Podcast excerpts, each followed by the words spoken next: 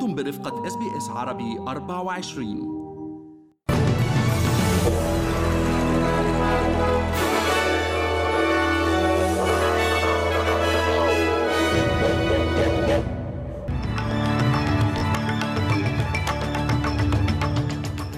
عناوين النشرة. أستراليا تحتفل بطرق مختلفة بيومها الوطني وسط استمرار الجدل حول الماضي وتداعياته على حاضر البلاد ومستقبلها.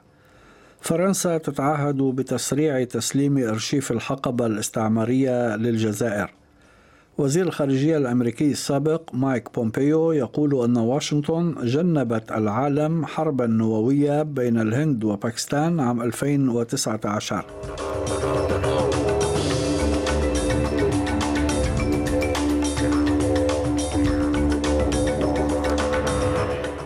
هاشم الحداد يحييكم وإليكم التفاصيل. في أجواء من الانقسام والجدل وبطرق مختلفة تحتفل أستراليا اليوم بعيدها الوطني الذي يرمز إلى وصول الأسطول البريطاني الأول إلى شواطئ سيدني عام 1788 في حدث مهد لبدء الاستيطان الأوروبي للقاره ويعتبره السكان الأصليون يوما لغزو استعماري أدى لسلبهم أرضهم وتدمير ثقافتهم. وفي هذا الإطار سيحصل حوالي 19 ألف شخص اليوم على الجنسية الأسترالية. وشارك رئيس الوزراء أنتوني ألبانيزي صباحا في احتفال لمنح الجنسية لعدد من الأستراليين الجدد أقيم على ضفاف بحيرة بيرلي جريفن في كامبرا. وقال البنيزي أن أستراليا تحتفل اليوم بفصل جديد في تاريخها العظيم والمتنوع Today's a day that's important to celebrate who we are, but also to recognise uh, the changing nature of Australia. The fact that we begin and trace our history back over 60,000 years should be a source of great pride. Of course, since 1788, uh, we have become a country of migrants as well, people who've come from all around the world to make Australia their home. وفيما شارك آلاف الأشخاص في مسيرات وتظاهرات مناهضة للاحتفال بيوم أستراليا في مختلف أنحاء البلاد اعتبر الناشط الأبورجيني دين باركن أن حق السكان الأصليين في الأرض وفي إدارة شؤونهم بأنفسهم لا يجب أن يأتي من أي هيئة حكومية أو من أي وثيقة توقع بل هو متجذر في وعيهم وولد معهم قبل أجيال. The bottom line for this is our sovereignty is intrinsic to who we are as Aboriginal and Torres Strait Islander people. It's not given to us mm. by a government, by a document, by any other external um, entity or agency or, or, or anything else that exists. It exists within us when we're born on our country, connected to our culture. It's not something that can be ceded and taken away simply by giving us a guaranteed say over our affairs. وعلى صعيد جوائز التقدير السنوية التي تمنح بمناسبة يوم أستراليا للمئات من الناشطين في مختلف مناحي الحياة ارتفعت نسبة النساء والمتحدرين من أصول متعددة الثقافات الحاصلين عليها هذا العام لتشكل حوالي 48% من العدد الإجمالي. ونظرا لخدماتها في تعزيز التنوع الثقافي في أستراليا حصلت السيدة أنعام بركات على ميدالية خدمة الجاليات الإثنية. وعبرت في حديث مع إس بي إس عربي 24 عن اعتزازها بهذا التقدير. شعور الفخر إنه أنا آه، نيل هالوسام هيدا لأنه برفع رأسي أنا ببلدي أستراليا وطبعا فخورة باصلي اللبناني. هيدا يعني بيعطيني آه، فرصة لأتأمل وفكر. هل كان بإمكاني أعمل أكثر من اللي عملته؟ إلى ذلك دعت الناشطة في مجال تحسين صورة المرأة تارين برومفيت الحاصلة على جائزة أسترالي العام. دعت الأستراليين إلى التركيز على القضايا الأساسية التي تواجه زمننا الراهن. Australia, it is not our life's purpose to be at war with our body. Collectively, we are facing some of the most challenging environmental, humanitarian, and social issues of our time. What if instead of spending our days consumed by hating our bodies, we could invest our time together to solve these challenges? تعهدت فرنسا بتسريع عملية تسليم أرشيف الحقبة الاستعمارية للجزائر وتطهير مواقع تجارب نووية أجرتها بالصحراء الجزائرية خلال ستينيات القرن الماضي. جاء هذا التعهد في نهاية اجتماع عقد أمس بالعاصمة الجزائر للجان الدورة التاسعة للحوار السياسي بين البلدين. وترأس الاجتماع الأمينان العامان لوزارتي خارجية الجزائر وفرنسا عمار بلاني وماري ديسكوت بمشاركة ممثلين عن عدة قطاعات حكومية وأهلية من البلدين. وتأتي هذه المشاورات السياسية تحضيرا لزيارة مرتقبة للرئيس الجزائري عبد المجيد تبون إلى باريس في مايو أيار المقبل تلبية لدعوة من نظيره الفرنسي إيمانويل ماكرون.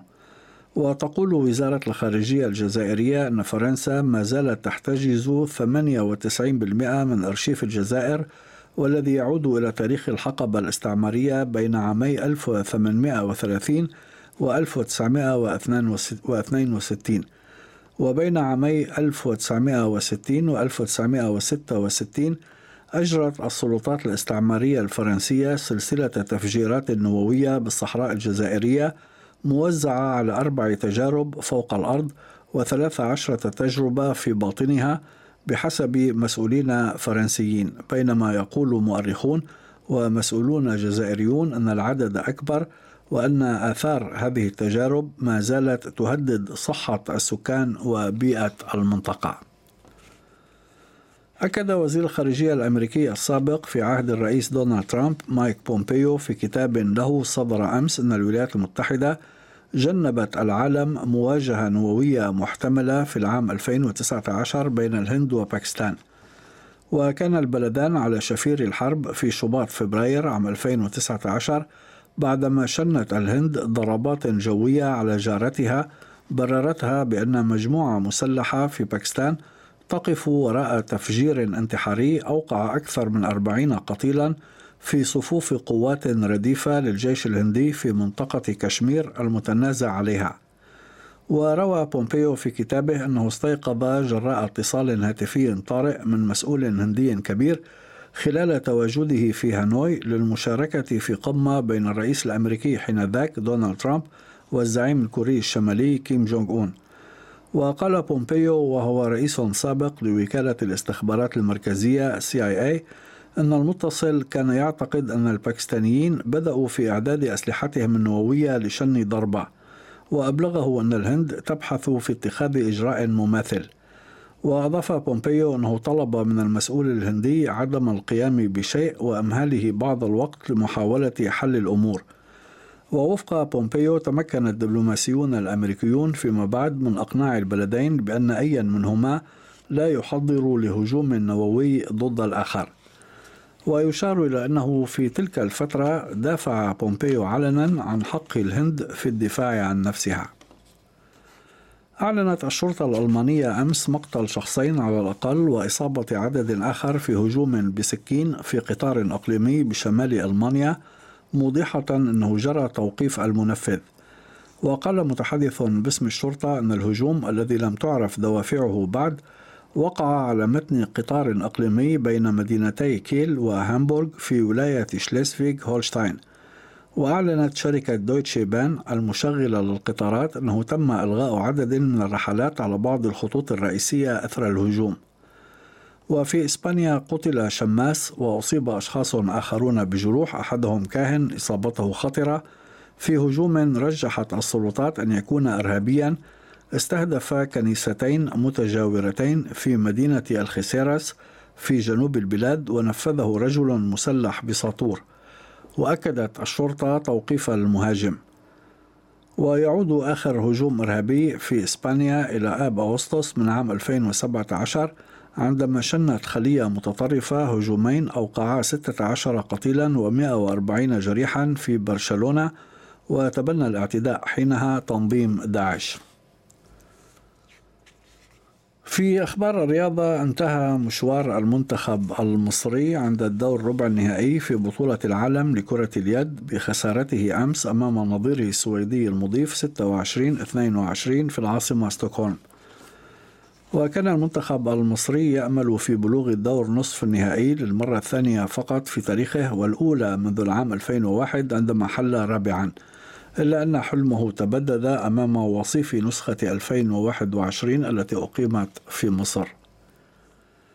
حالة الطقس المتوقعة غدا في أديلايد مشمس 37 درجة بريسبن غائم جزئيا 32 هوبارت غائم جزئيا 26 داروين أمطار متفرقة وعاصفة محتملة 32 بيرث غائم جزئيا 27 درجة ملبون مشمس 27 سيدني أمطار محتملة 27 وأخيرا في العاصمة الفيدرالية كامبرا غائم 28 درجة.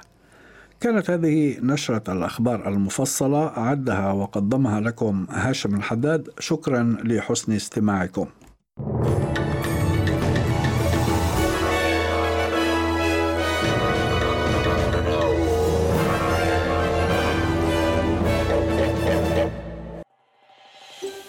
هل تريدون الاستماع إلى المزيد من هذه القصص؟ استمعوا من خلال أبل بودكاست، جوجل بودكاست، سبوتيفاي أو من أينما تحصلون على البودكاست